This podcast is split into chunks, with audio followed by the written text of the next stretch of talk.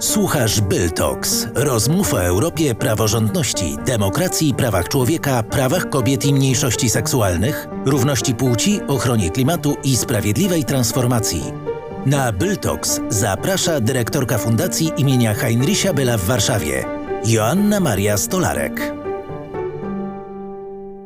Dzień dobry Państwu. Witam na kolejnej odsłonie Byl Talks. Nazywam się Anna Maria Stolarek, jestem dyrektorką Fundacji imienia Henicha Byla w Warszawie, a moją gościnią dzisiaj jest Maria Peszek, której przedstawiać nie trzeba. Um, aktorka, piosenkarka, grała w wielu filmach, otrzymała wiele nagród, e, wydała parę płyt. Um, Mario, niedługo obchodzisz swoje 50. urodziny. Czas na jakiś bilans. E, dzień dobry. Bardzo jest mi miło. E, dziękuję za zaproszenie. Bilans jest dobry, bo e, robię to, co kocham. Jestem w stanie utrzymać się z tego w kraju, który niekoniecznie e, uznaje sztukę i artystę za przydatnego społecznie członka społeczeństwa i wcale nie jest tak prosto być artystą w Polsce teraz, zwłaszcza takim artystą, który wypowiada się w takich, a nie innych tematach i udziela szansy na głos tym, którzy niekoniecznie mają taką szansę. A mm, moje doświadczenie jest takie, że pomimo oczywiście rozmaitych trudów i wyrzeczeń, ja od bardzo wielu lat robię to, co kocham, na własnych warunkach, na własnych y, zasadach i jestem w stanie z tego żyć, więc y, to jest taki najbardziej mm, wymierny dla mnie wskaźnik, że warto być wiernym sobie i podążać za tym, co wydaje się nam kluczowe e, dla nas samych. E, rzadka to jest sytuacja i na pewno jestem bardzo uprzywilejowana i jako artystka, i jako człowiek.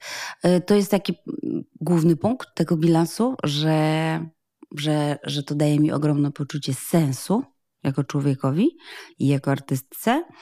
Y, natomiast y, jako obywatelka to bilans jest taki, y, że jesteśmy w bardzo dramatycznym punkcie, bardzo ciekawym punkcie, który wymaga mocnego zaangażowania ze strony wszystkich nas, obywateli.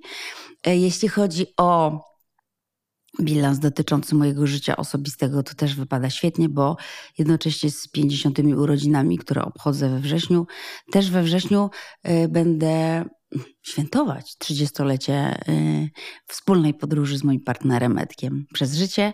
Y, to wszystko jest bardzo mm, bardzo wspaniałe i na pewno sprawia, że czuję się wyjątkowo i że mam co świętować i też mam taką świadomość, że to jest bardzo uprzywilejowana pozycja. Mhm. Wspomniałaś tematy, że są to tematy, e, które poruszasz w Twoich um, utworach, tematy, które nie są wygodne. Jak tak się wsłuchać, to wydaje się, że naciskasz na wszystkie odciski polskiego społeczeństwa, polskiej mentalności, polskiej polityki. Dlaczego? E, dlatego naciskam na wszystkie tematy niewygodne i używam ich jako tworzywa swojej sztuki, bo uważam, że to jest obowiązkiem artysty jako wykładnie mojego społecznego, z mojej społecznej przydatności, a lubię o sobie myśleć także w taki sposób, że nie uprawiam sztuki tylko dla e, artykułowania własnej osobowości, ale także po to, żeby w społeczeństwie mieć e, miejsce, które jest przydatne większej jakiejś części tego społeczeństwa. I moim, e, w moim odczuciu podstawowym obowiązkiem artysty jest wypowiadać się e, w tematach, których inni nie chcą dotykać, których nie mogą dotykać, którzy nie mają też takiej szansy. Dlatego od w zasadzie bardzo dawna y, koncentruję się głównie na takich e, kwestiach. Wszystkie te rzeczy, które są w, w śmieciach, a, które śmierdzą, które są niewygodne, niebezpieczne, czasami mało atrakcyjne, Dlatego ktoś kiedyś nazwał, nazwał mnie śmieciową królową i ja sama to przyjęłam jako moje alterego twórcze. Tak, jestem śmieciową królową w tym sensie, że zajmuję się wszystkim tym, czego inni nie chcą dotykać, z całą paletą konsekwencji. Na przykład? Udzielam głosu moimi utworami wszystkim grupom, które są y, wykluczane. Y, najbliższa mojemu sercu jest społeczność LGBT i odwiecznie i do końca moich dni będę spłacać dług. Wobec społeczności LGBT, która ukształtowała w największym stopniu mnie jako człowieka i jako artystkę, pokazując mi od bardzo młodego mojego wieku, jaką siłą może być odmienność, w jaki sposób można walczyć o, o siebie w niesprzyjających okolicznościach. E, ta społeczność nauczyła mnie, że to nie płeć definiuje przede wszystkim, czy jesteś nas jako ludzi i że, i że piękno to jest bardzo względna definicja, e, absolutnie niezależna od, e, od płci, tylko od własnej siły i własnej wolności. Więc przede wszystkim udzielam głosu społeczności LGBT, którą kocham i która mnie wspiera, i mam nadzieję, że jestem jakoś bliska także e, wszystkim queerowym osobom w Polsce. Wypowiadam się także w imieniu albo dla, albo przede wszystkim o ofiarach pedofilii w Kościele katolickim w utworze Barbarka. E, to jest taki temat do którego dojrzewałam przez całą swoją artystyczną twórczość. Chciałam się tym zmierzyć już bardzo dawno, ale nie wystarczało mi siły i myślę e, takiej dojrzałości. Ale na ostatniej płycie e, jest utwór temu właśnie poświęcony i to jest dla mnie też bardzo ważna e, artystycznie taka cezura, że całe życie chciałam o tym opowiedzieć, ale nie znajdowałam sposobu i formy i w końcu się to udało. Cała moja twórczość jest także o prawie do odmienności we wszystkich i wszelkich jej um, przejawach. Śpiewam o tym, że jako kobieta mam prawo do publicznej deklaracji o nieposiadaniu dzieci, niechęci do posiadania dzieci. E, mam prawo do, um, jako człowiek, chciałabym mieć prawo e, do decydowania o momencie własnej śmierci, czyli śpiewam także o tym, um, w utworze Zejście awaryjne. Marzyłabym o tym, żeby kiedyś w Polsce była możliwa eutanazja i żeby każdy człowiek mógł decydować o tym, jak i kiedy postanawia odejść. E, śpiewam także o mojej e, niezgodzie na takie kalki patriotyzmu. W utworze na przykład Sory Polsko, ale nie tylko. Toczę taką własną nie tyle walkę, co dyskurs z tym, co to znaczy dzisiaj być patriotką, co to znaczy dzisiaj być Polakiem i czy aby na pewno umieranie i śmierć jest najwyższym przejawem patriotyzmu, a może właśnie życie jest dużo bardziej trudne e, i jest większą odwagą i większym przejawem patriotyzmu. I myślę też, że w bardzo wielu utworach e, artykułuje moją, mój antyklerykalizm i potrzebę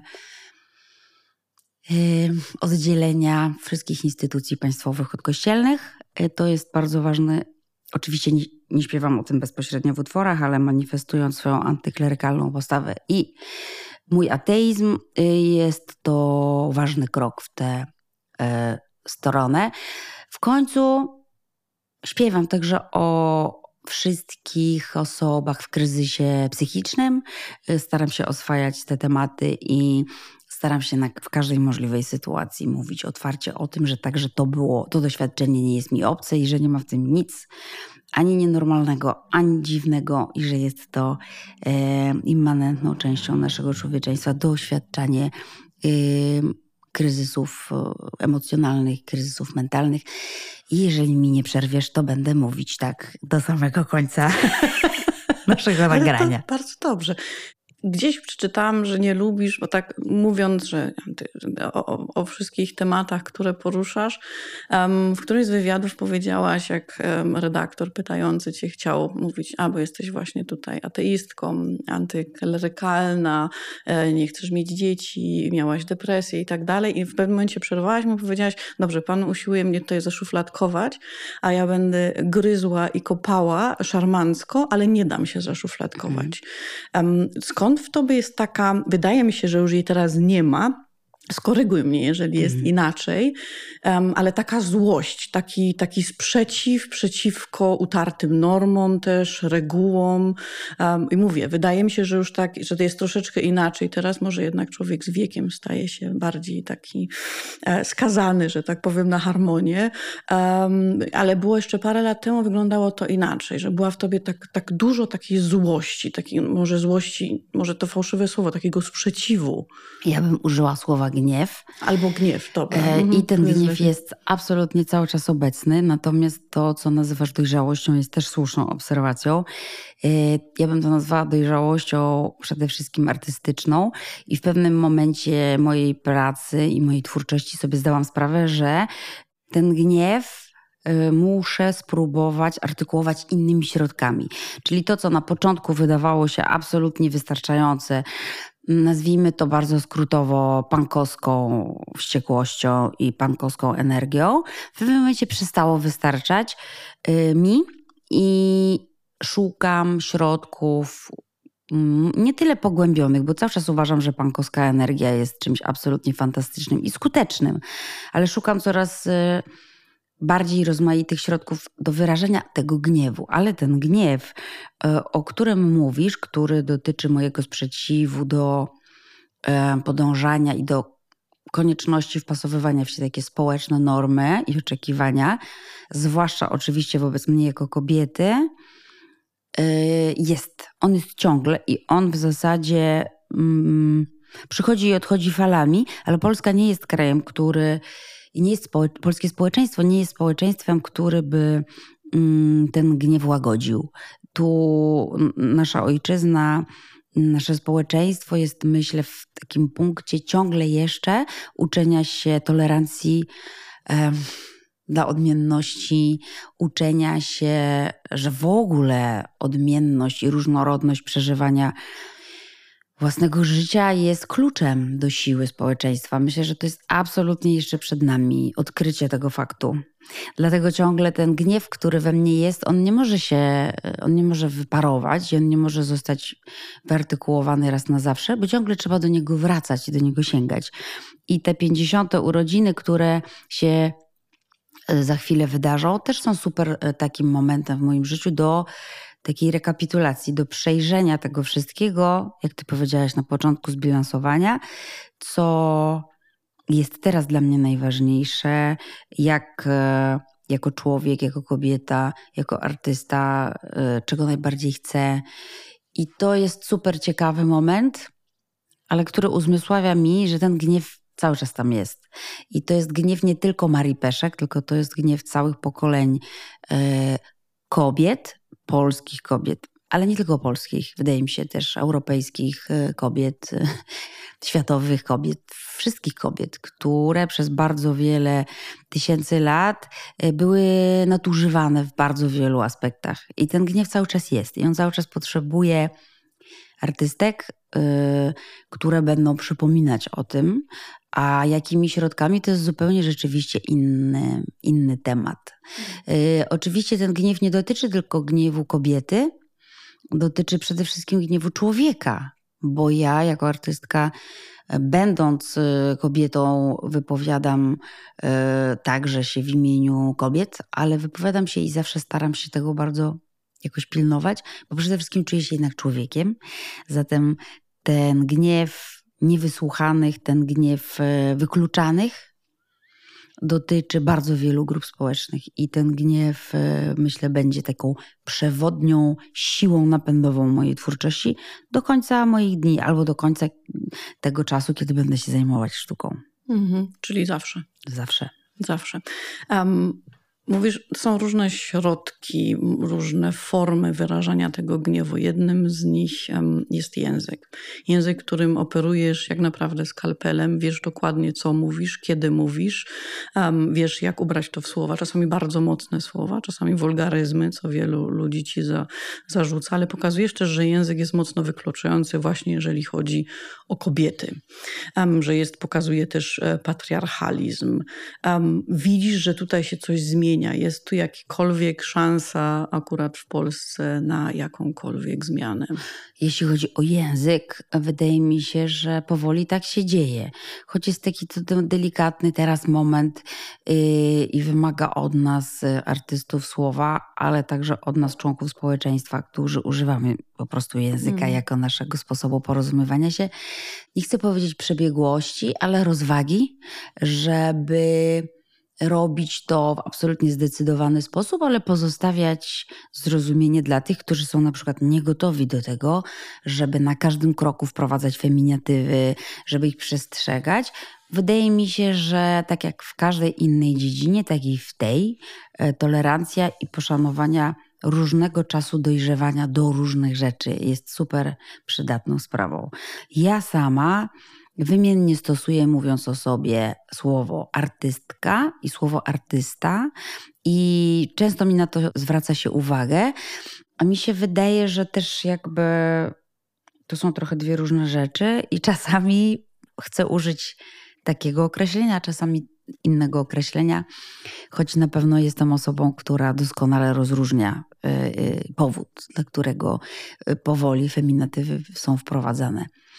Zmienia się, jeśli chodzi y, y, polski język powoli o taką inkluzywność i o taką delikatność i o troskę, ale jest myślę też jeszcze cały, cały ugór, lubię też to słowo, czyli całe zaniedbane pole y, dotyczące języka, kiedy mówimy o sprawach seksualności, kiedy mówimy o gender, powiem tak najogólniej, e, mm, dopiero się uczymy, co to znaczy niebinarność, co to znaczy, mówię nawet o formach językowych. Ja sama uczę się cały czas i cały czas popełniam błędy i cały czas muszę się korygować i cały czas muszę się odnosić do moich przyjaciół, osób e, transpłciowych, osób queerowych, osób nieheteronormatywnych e, i za każdym razem dopytywać, czy to, co ja mówię, to jest ok, czy ja naruszam e, twoje dobre samopoczucie, czy powinnam powiedzieć trochę to inaczej? I w zasadzie cały czas się uczę i cały czas to mm, się zmienia. Zatem, odpowiadając na Twoje pytanie, wydaje mi się, że ten język, nasz język polski, powoli dostosowuje się do norm, które powinny w każdym demokratycznym, oświeconym, obywatelskim, otwartym społeczeństwie funkcjonować. Uczymy się. I też mój taki może trochę mikroapel. Popełniamy błędy, to nie znaczy, że jesteśmy arogantami i nie że nie zależy nam na odczuciach y, wszystkich, którzy składamy się na społeczeństwo, ale to się tak też szybko zmienia i też y, czasami w najlepszych, najlepszej wierze robimy głupoty i to także mi się przytrafiało. Więc y, uczymy się i fajnie by było być, móc być korygowanym bez takiego poczucia zranienia, to jest, myślę, proces, ale tak, obserwuję to. Sam fakt, że tyle o tym mówię, że się zawsze zastanawiam, co powiedzieć, że się konsultuję, yy, że my artyści mamy bardzo ważną rolę, mi się wydaje, w tym aspekcie, jeśli chodzi o kreowanie języka, bo czasami to jest wszystko, co możemy zrobić wprowadzać się do naszej sztuki słowa zapomniane, albo nadawać im nowe sensy, albo uzmysławiać, że trzeba używać takich, a nie innych sformułowań. Ale ponieważ sztuka musi mieć także prawo do pomyłek, i też nie jest dobrze, kiedy sztuka jest taka super politycznie niepoprawna, więc czasami także my, artyści, popełniamy błędy i coś, co kiedyś się nam wydawało oczywiste po latach, chcielibyśmy to zmienić. Mhm. No tak, język ale kreuje rzeczywistość, czyli tak. trzeba tutaj trochę uważać. A co z wulgaryzmami? Dalej je lubisz? Tak, wulgaryzmy uważam są y, super nacechowane y, emocjami, jak żadne inne słowa. I są też taką immanentną częścią nas, ludzi, nas to, co jest kluczem dla mojej sztuki, to, co jest taką podstawowym tworzywem, to są emocje. I nie byłabym przede wszystkim uczciwa, używając języka ludzi, wykluczając czy kastrując ten język z aspektów i ze sformułowań, które wszyscy my ludzie używamy. Wulgaryzmy poza tym brzmią bardzo dobrze, najczęściej są bardzo muzyczne, mają brzmieniowo bardzo duży taki potencjał. Są jak nuty. Jeżeli byśmy używali gamy i wykluczyli pewne dźwięki, to ta muzyka nie byłaby pełna. Ja tak patrzę na to. To jest po prostu prawo nas ludzi, żeby mówić tak, jak mówimy. I moja sztuka jest w tym względzie inkluzywna, czyli ona także zawiera w sobie język ulicy i język nas, e, ludzi w emocjach. Hmm. Bardzo ładnie, jako wulgaryzmy, jako nuty. E, bardzo ładnie sformułowane. Um, wspomniałaś o prawach kobiet również. Um, Polska jest w tym momencie krajem, w którym ciężko jest nie używać wulgaryzmów, myśląc o prawach kobiet, prawach reprodukcyjnych kobiet. Byłaś głosem strajku kobiet również, jak zaostrzono prawo aborcyjne. Umierają kobiety w polskich szpitalach. Jak tutaj widzisz swoją rolę? Jak możesz wesprzeć ruchy działające nadal w obronie praw kobiet, reprodukcyjnych praw kobiet, prawa do wyboru, prawa do, do własnego ciała, do, do hmm. wyboru. Tak jak wspomniałaś już też no, na temat e, posiadania dzieci, nieposiadania dzieci, to też jest prawo wyboru. To jest bardzo poważne prawo. Ja jestem zawsze super otwarta i wszędzie tam, gdzie fragmenty moich utworów, frazy mogą być przydatne i ludzie sobie je, ich chcą używać jako takie amulety albo artefakty, albo e, elementy buntu, elementy sprzeciwu, to jestem z tego powodu bardzo szczęśliwa, bo po to są moje piosenki także, żeby być nośnikami znowu emocji. I rzeczywiście, kiedy były protesty i kiedy te utwory funkcjonowały tam e, w czasami zupełnie w innym kontekście niż początkowo były pisane, ale absolutnie było to w moim odczuciu mm, znaczy miało sens, to mam totalną otwartość. Jestem wtedy bardzo szczęśliwa i to jest na pewno taki aspekt wspierania Choć oczywiście on nie wymaga ode mnie bezpośredniego zaangażowania się. Ja po prostu daję te utwory i pozwalam ich używać do wszelakich filmów o, mówiących o, o, o, o tej tematyce. Mm, to jest oczywiście wspieranie. Y, ja osobiście, jako człowiek, mam duży problem z uczestnictwem aktywnym, jeśli chodzi o protesty, z bardzo prostego powodu klaustrofobii i to jest coś, co e, wyklucza tak naprawdę moje maszerowanie na przykład w tłumie, dlatego od razu wymyślam, co mogę robić, żeby jakoś inaczej się w to włączyć. Natomiast nieskończoną ilość wypowiedzi, zawsze tam, gdzie mogę, mówię o tym bardzo otwarcie, e, bardzo radykalnie, ale tak naprawdę możesz powiedzieć, że to wszystko, co mówię, to są jakieś uniki. W jakim sensie ja uważam, że moja rola i moja funkcja jest cały czas taka sama.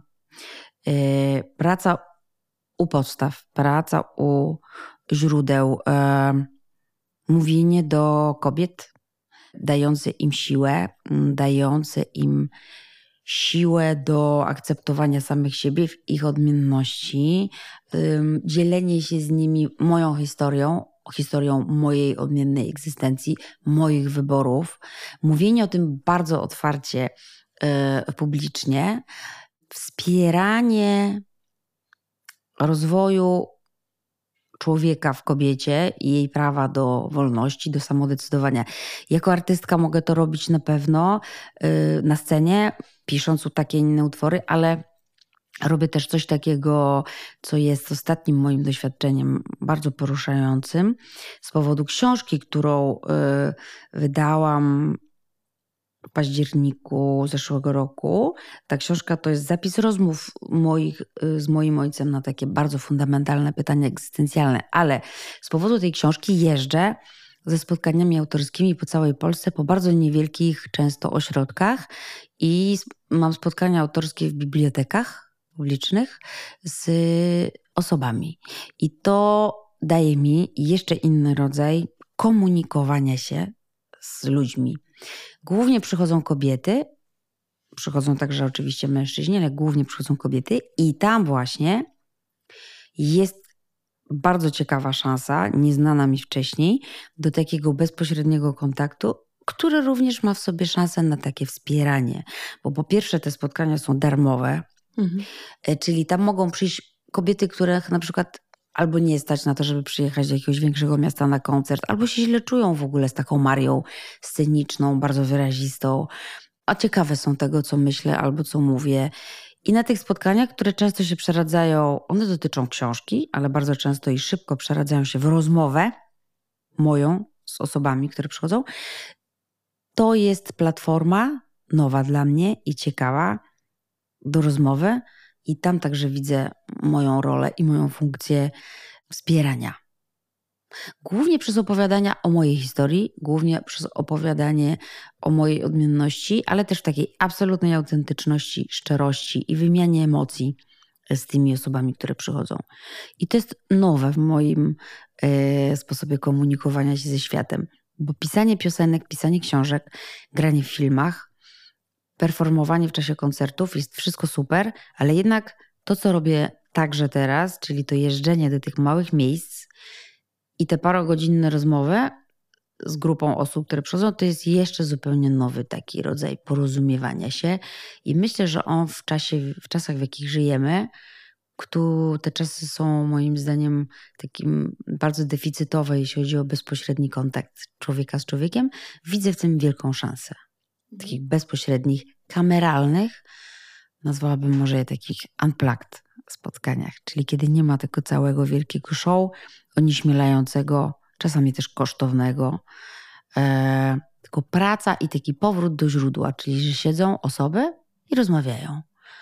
To jest, myślę, przyszłość. Mhm, autentyczne bardzo. Jakie tematy tak. są poruszane wtedy, oprócz książki, do której mhm. zaraz e, pewnie dojdziemy? Ponieważ książka jest punktem wyjścia do tych spotkań, mhm. więc oczywiście wszystko się zaczyna od tego, o czym jest ta książka, y, a książka jest o tym wszystkim, co dotyczy, myślę, każdego z nas w jakimś tam etapie naszego życia, czyli czy Bóg jest nam potrzebny bez, bezwzględnie do tego, żeby być szczęśliwymi ludźmi, co to znaczy dzisiaj być patriotą, e, co to znaczy w ogóle rozmowa, bo książka jest zapisem rozmów moich i mojego ojca, e, ale i tak naprawdę jest także historią o rozmowie i o jej o potrzebie rozmowy i o szansie. Rozmawialiście dwa lata z tego, co tak. pamiętam. Tak? I o mhm. szansie na porozumiewanie się, jakie niesie rozmowa, o szansie na wybaczenie, jakie niesie rozmowa. Y, i to jest o tym. I najpierw oczywiście te spotkania dotyczą głównie pytań o, o ojca mojego, o mnie samą, o te tematy, które są zawarte w książce, o seksualność, o wybory ludzkie, o śmierć, o strach, o sens bycia artystą, ale bardzo szybko, ponieważ książka jest bardzo emocjonalna i też oparta na autentycznych emocjach, to się szybko przeradza w rozmowę. I ludzie pytają o bardzo wiele rzeczy, o siłę, do trwania, o to, jak e, przeciwstawiać się trudom i wyzwaniom, jakie rzeczywistość na nas rzuca, o to, co dalej z tą Polską, o to, jak można ochronić swoje zdrowie psychiczne. I to się i czasami są bardzo śmieszne te rozmowy, jest bardzo dużo śmiechu i czasami bardzo dużo wzruszeń. No i opowiadają też ludzie własne historie, własne przeżycia, własne problemy i razem o tym gadamy. I to jest bardzo, raz jeszcze podkreślę, nie dość, że dla mnie takie ożywcze, oczyszczające, widzę też głęboki sens takiego podróżowania. I raz jeszcze powiem, widzę, że to jest w ogóle coś, w czym upatrywałabym szansę na dojrzewanie też nasze jako społeczeństwa, nasze jako ludzi, bo w gruncie rzeczy te rozmowy dają nam obydwu stronom poczucie bezpieczeństwa i poczucie, że się jest istotnym dla siebie nawzajem. Czyli ja wychodzę utwierdzona w sensie tego, co robię, a osoby, które przyszły, też wychodzą utwierdzone, że są na przykład istotne, bo ktoś z nimi gada, ktoś do nich przyjechał. Y, no takie myślę, to jest bardzo, bardzo proste w gruncie rzeczy i takie pierwotne, taki powrót do tego siedzenia przy ogniu sprzed mm. milionów lat i historia i rozmowa jako podstawowy nośnik emocji. Mm, ale dla ciebie to jest też bardzo odpowiedzialne w stosunku do tych osób, bo ty jesteś wtedy dla nich um, źródłem inspiracji, ale też potwierdzeniem, um, też taką, może wyrocznia to może za mocne mhm. słowo, ale rzeczywiście, jeżeli ty coś powiesz na takim spotkaniu, to dla jednej z tych osób może to być decydująca rzecz. Także to myślę, że to jest też tak. duża odpowiedzialność. Tak? Jest to odpowiedzialność, ale ja też bardzo często dlatego mówię nie wiem. I używam tego często, bo jeszcze raz podkreślę, że wszystko w sumie, co robię i w sztuce, i w kontaktach moich życiowych od jakiegoś czasu, staram się podporządkowywać yy, autentycznej mojej emocji i czasami bywam trudna, czasami bywam nieprzyjemna, czasami pozwalam sobie na frustrację, ale jakby nigdy nie przekłamuję moich uczuć. I dlatego nawet jeśli te osoby z tych spotkań wychodzą rozczarowane, a przecież może się tak zdarzyć, to na pewno mają poczucie, że tam jakaś prawda była w tej osobie.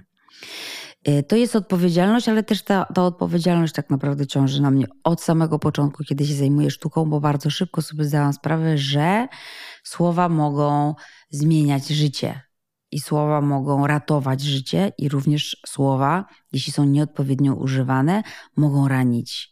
I to jest ogromna odpowiedzialność artysty we współczesnym świecie i w ogóle Hmm. Wspomniałaś o patriotyzmie, mówisz słowa, które mogą ranić. Tutaj nie oddałabym ci Polsko ani jednej kropli krwi, męczy mnie Polska, wisi mi krzyż, lepszy żywy obywatel niż martwy obywatel. To fragment jednej z piosenek. Um, temat Polski jest bardzo obecny. Co, co dla ciebie, obecny w twojej twórczości, co dla ciebie oznacza patriotyzm? Co oznacza dla ciebie bycie Polką w kraju, który jest, tak jak powiedziałeś, zawsze prowokuje, czy ten kraj, czy też polskie społeczeństwo zawsze prowokuje, jest takim triggerem gniewu. Hmm. Polska e, jest najważniejszym kontekstem do tej pory w mojej twórczości, bo jest to super interesujący kraj i bardzo ciekawi ludzie tu mieszkają i nasza historia jest niezwykła i mamy wielkie potencjały, e, zwłaszcza w sztuce. E, mamy też ogromne, tragiczne za sobą e, epizody i historyczne i rzeczy, których się musimy wstydzić i musimy przepracowywać ten wstyd ciągle i ciągle i ciągle. E, jak widzę moją rolę jako obywatelki, powiem raz jeszcze, jako artystka uważam, że moja społeczna przydatność, społeczna powinność to wykorzystywanie tego, co mam, e, aby dawać szansę bycia usłyszanym tym grupom, które nie mają takiej szansy. To jest bardzo obywatelska postawa, bo sprawia, że różni, e, różne elementy społeczeństwa mają szansę na bycie usłyszanym. I to jest bardzo, wydaje mi się, proste, tak widzę i uważam, że to jest postawa obywatelska, tego się trzymam. Nieuchylanie się też od takich podstawowych y, obywatelskich obowiązków, o których już paręnaście lat temu śpiewałam w utworze Sory Polsko, przeciwstawiając patriotyzm małych spraw, tej heroicznej bardzo też polskiej postawie patriotyzmu, który za najwyższy jej przejaw uznaje śmierć w imię Polski. I moja postawa od wtedy nie zmieniła się, że wydaje mi się, że obywatel żywy może mieć bardziej patriotyczną postawę i może także przyczynić się do dobrostanu ojczyzny e, dziś być może lepiej niż umierając dla niej. I to jest ten podstawowy. Mm, ta podstawowa kość niezgody pomiędzy rozumieniem, myślę, mojej sztuki przeze mnie, e, a moich e, przeciwników. I cóż jeszcze mogę jako patriotka? Dobrze robić to, co robię i nie kłamać, nie uchylać się od obowiązków obywatelskich, tych najprostszych, e, które sprawiają, że wszyscy mamy poczucie współodpowiedzialności. To jest, mówię o płaceniu podatków, kasowaniu biletów, nieśmieceniu, to co teraz wywołuje e, uśmiech na naszych twarzach, także w kontekście skomplikowaności sytuacji w Polsce, ale tak ciągle uważam, że to są super istotne sprawy i to jest rola y, także artysty, y, edukowanie. W związku z czym to jest też przejaw patriotyzmu. e, w moim odczuciu. Nigdy nie chciałaś wyjechać z Polski, bo wiem, że masz epizod amerykański, czyli spoglądałaś też na Polskę z zagranicy.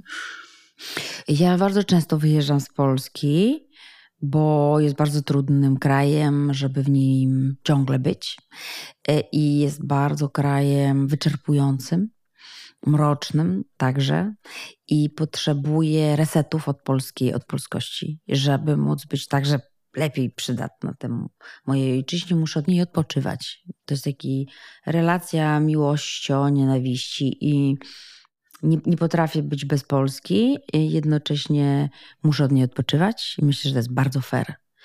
E, zatem dużo wyjeżdżam i to są takie wyjazdy długotrwałe, około mniej więcej roczne i to jest taki detoks od wszystkiego, co w Polsce bardzo trudne, ale też za każdym razem uświadamiam sobie, że każde inne miejsce ma swoje demony. I to nie jest wcale tak, że są jakieś krainy płynące mlekiem i miodem i tolerancją, a Polska jest y, jakimś szatanem. Absolutnie nie. Wszędzie są ludzie, którzy są fantastyczni i wszędzie są ludzie z problemami, które się często przemieniają w nacjonalizm, w ksenofobię, w rasizm i tak jest na całym świecie. Polska nie jest odmienna, jeśli chodzi o, o te problemy. One są wszędzie. Y, jak byłam w Stanach Zjednoczonych, to miałam lat 17 i przez rok byłam na stypendium na Alasce i to było bardzo pożyteczne spotkanie i bardzo niezwykłe doświadczenie, które polecam każdemu człowiekowi na jakimś etapie życia, żeby pomieszkać. Najfajniej jak się to dzieje, jak jesteśmy bardzo młodzi, bo mamy wtedy zero uprzedzeń i dużo mniej strachów. Można się dużo rzeczy nauczyć, które potem można wykorzystać także i tu. Lubię mieszkać za granicą yy, i nie wykluczam tego, że być może kiedyś w ogóle zamieszkam za granicą, ale też nie mam jakichś takich planów emigracyjnych, ale absolutnie muszę powiedzieć mocno i twardo, że rozumiem tych, którzy nie znajdują już siły, żeby w Polsce być, którzy zostali tak długo wykluczani, poniżeni i którym jest tak trudno tutaj trwać, którzy się decydują na emigrację. Absolutnie to rozumiem i wspieram, bo to nigdy nie jest łatwa decyzja porzucenie i wyjechanie z, z kraju, w którym się urodziło i dorastało. I rozumiem taką postawę. Dla mnie na razie ona jest poza pytaniem, bo to, co robię, yy, ma sens w Polsce. Śpiewam po polsku z wyboru, tu jest moja publiczność, dzięki której, taką może klamrę zastosuję, yy, jestem spełniona jako człowiek, jako kobieta, jako artystka, bo jestem słyszalna i słuchana i mogę się z tego utrzymać. Hmm. Powiedziałaś teraz, że jesteś spełniona jako kobieta, jako artystka, jako człowiek. W którymś z wywiadom, ale to było chyba w, w czasie pandemii, powiedziałaś, że jesteś spełniona jako artystka, hmm. ale jesteś wyczerpanym człowiekiem i życzyłabyś sobie um, wyprowadzić się gdzieś um, w, um, na wieś, że tak powiem, czy te tereny bardziej zielone. To się udało z tego, co tak. wiem. Nadal jesteś wyczerpanym człowiekiem? Jestem. Czy, tak? Jestem hmm. absolutnie ekstremalnie wyczerpanym człowiekiem, ponieważ uprawianie sztuki, nieważne czy w Polsce, czy gdziekolwiek indziej jest zajęciem wyczerpującym. I ja działam etapami, a w momencie, w którym rozmawiamy, etap pracy zbliża się do końca, do klabry, która się wydarzy w dniu moich 50 urodzin, czyli 9 września. Zagram koncert urodzinowy klubie Stodoła w Warszawie, w moim mieście, w moim klubie, który zamknie bardzo wiele lat bardzo ciężkiej pracy i robię przerwę w tworzeniu i w występach i w performowaniu, która nie wiem ile potrwa, bo to jest też myślę bardzo fair wobec odbiorców moich i wobec samej siebie. Więc tak, jestem wyczerpana, ale już wiem, jak się zachować w momentach tego wyczerpania, czyli trzeba zrobić przerwę. I to z kolei jest odniesienie do tego, co mówię o kryzysach psychicznych. I robienie przerw, jeśli jest się artystą, jest absolutnie niezbędne do tego, żeby przetrwać i żeby nie wpędzać się w takie stany niedoborów energii, które są bardzo niebezpieczne dla, dla naszej psychiki. Więc teraz wyczerpana Maria ma zamiar zrobić jeszcze jeden wspaniały koncert y, urodzinowy z gośćmi i z e, celebracją, a potem odpocząć i, i nie wiem, ile będzie to potrzeba tego odpoczynku, ale na pewno nie będzie to krótki czas. Mhm, czyli przerwa twórcza, Tak. ale dalej będziesz jeździła po bibliotekę z książką? Chwilę, Mhm. mhm. październik, listopad jeszcze Mhm. będę jeździć po biblioteka z książką, tak, bo to jest jeszcze taki... Też trzeba te przerwy robić tak, żeby umiejętnie hamować, żeby nie stawać w miejscu, tylko umiejętnie wytracać ten pęd. Ale od y, końca listopada nie będę tworzyć i nie będę jeździć po bibliotekach i nie będę publicznie się pokazywać, Y, więc nasza rozmowa jest też jedną z ostatnich Mhm. przed tą przerwą. Ale wrócę. To cieszymy się, że wrócisz, wracając do książki. Tym razem nie używam zapałek, nie wzniecam rewolucji, nie krzyczę, róbmy dym, zeszłam z barykad. Chcę się podzielić opowieścią o niełatwej, ale wspaniałej relacji z ojcem i ogrzać nią serca. Rozmowa, która trwała dwa lata, w której em, z ojcem prowadziliście bardzo szczerą rozmowę, chyba o wszystkich tematach, które niektórzy mogliby uznać za tematy tabu. Em, Co to dla ciebie oznaczało i dlaczego ta książka? Książka, która też nie jest mocno redagowana, w której sobie pozwalasz też na powtórzenia, na, na coś, co kto, nie wiem, profesjonalny dziennikarz wyciąłby tam dość dużą część. Ty zostawiasz. Zostawiasz to, że to jest naprawdę taka rozmowa między wami. Mhm. I czemu ta rozmowa w ogóle? Mhm. Czemu z swoim ojcem Janem Peszkiem? aktorem? Jan, Janoj, Janojciec chciałam powiedzieć. Jan Peszek to jest taki też tak. artysta, um, myślę, że super ważny w Polsce. Wybitny artysta, ale też bardzo ciekawy człowiek. Druga najbliższa mi osoba po moim partnerze Edwardzie, to Jan jest drugim najbliższym mi człowiekiem od zawsze. I nasza relacja jest na tyle niesamowita, że wydało mi się ogromną stratą nie opowiedzieć o niej światu. Poza tym ta relacja jest e, tak bezkompromisowa, sposób w jaki my rozmawiamy jest tak wykraczający poza wszelkie stereotypy, także polskich rozmów, jak powinna rozmawiać córka z ojcem, że chciałam tego, tego użyć jako tworzywa artystycznego też i pokazać Państwu, odbiorcom, Polakom, e, tak można rozmawiać ze sobą, będąc kobietą, mężczyzną, będąc córką i ojcem, będąc dwojem artystów. Tak można rozmawiać, można zadawać sobie pytania absolutnie otwarte, wbrew temu, jak kultura nas stresuje do tego, że być może dużo młodsza kobieta nie mogła, nie powinna by zadać dużo starszemu mężczyźnie pytania, jak się kochałeś po raz pierwszy, albo córka nie powinna zadać ojcu pytania, a kochałeś się kiedyś z chłopakiem, albo córka nie powinna zadać pytania własnemu ojcu, a co zrobić z twoim ciałem, jak umrzesz, albo kiedy jest ten moment, że już chciałbyś y, eutanazji. To są takie rzeczy, które w Polsce, ale w ogóle wydaje mi się Mm. tak, że są trudnymi, trudnymi. Nie, uży, nie rozmawia się tak ze sobą, a szkoda. Więc ta książka ma oczywiście też misję. I teraz jak e, myślę o tym po czasie i po tym wszystkim, co już wiem, co ta książka zrobiła ludziom, to nie jest tak do końca, że ona nie podpala. Ona podpala tylko e, trochę inne sfery. Ona podpala takie skostniałe widzenie norm społecznych. Wszyscy w Polsce, albo bardzo duża nas część jesteśmy ochrzczeni, wyrośliśmy przynajmniej w dużej bliskości z katolickim kościołem, w związku z tym z katolickimi normami czyli uległości kobiety wobec mężczyzny, e, służebnicy kobiety i to są takie mity i kalki, które bardzo mocno ograniczają naszą ekspresję i naszą, w związku z czym drogę do wolności własnej wydłużają. I ta książka jest także o tym, jak można ze sobą gadać, że jest sens w tej rozmowie, że w zasadzie te tematy tabu to jest jakaś ściema i pokazanie, co by było, gdyby ludzie zaczęli ze sobą tak rozmawiać, jak na przykład Peszkowie. I może to by była lepsza, byłyby to lepsze rodziny, lepsze relacje, może by to była lepsza Polska, pełna swobodniejszego traktowania tych strasznych spraw, jak seks, jak Bóg, jak patriotyzm, jak śmierć, jak sztuka. A poza wszystkim chciałam się dowiedzieć od mojego ojca bardzo wielu rzeczy, które jak odejdzie, a ma 80 lat, więc za jakiś czas to się wydarzy, chociaż wydaje się to nieprawdopodobne, patrząc na niego i niemożliwe. Chciałam się dowiedzieć wielu rzeczy, jak e, artystka od artysty, bo bardzo dużo wie i jest świetny w tym, co robi i ciągle bardzo skuteczny. Więc chciałam się tego dowiedzieć i mieć to na papierze. Żeby potem móc do tego sięgnąć jak do takiego skarbca i zasobnika, przewodnika po życiu, po ciężkich momentach. Więc też takich bardzo prostych sposobów chciałam to zrobić. A jeśli chodzi o warstwę literacką, co mówisz, że ona jest niedoskonała, tak, jest to znowu ten sięganie do tego sposobu już znanego mi i który się zawsze sprawdza, czyli autentyczni ludzie mm. gadają w niedoskonały sposób. Robią błędy, przeklinają, także puszczają bąki. Akurat w książce tutaj jest ten aspekt.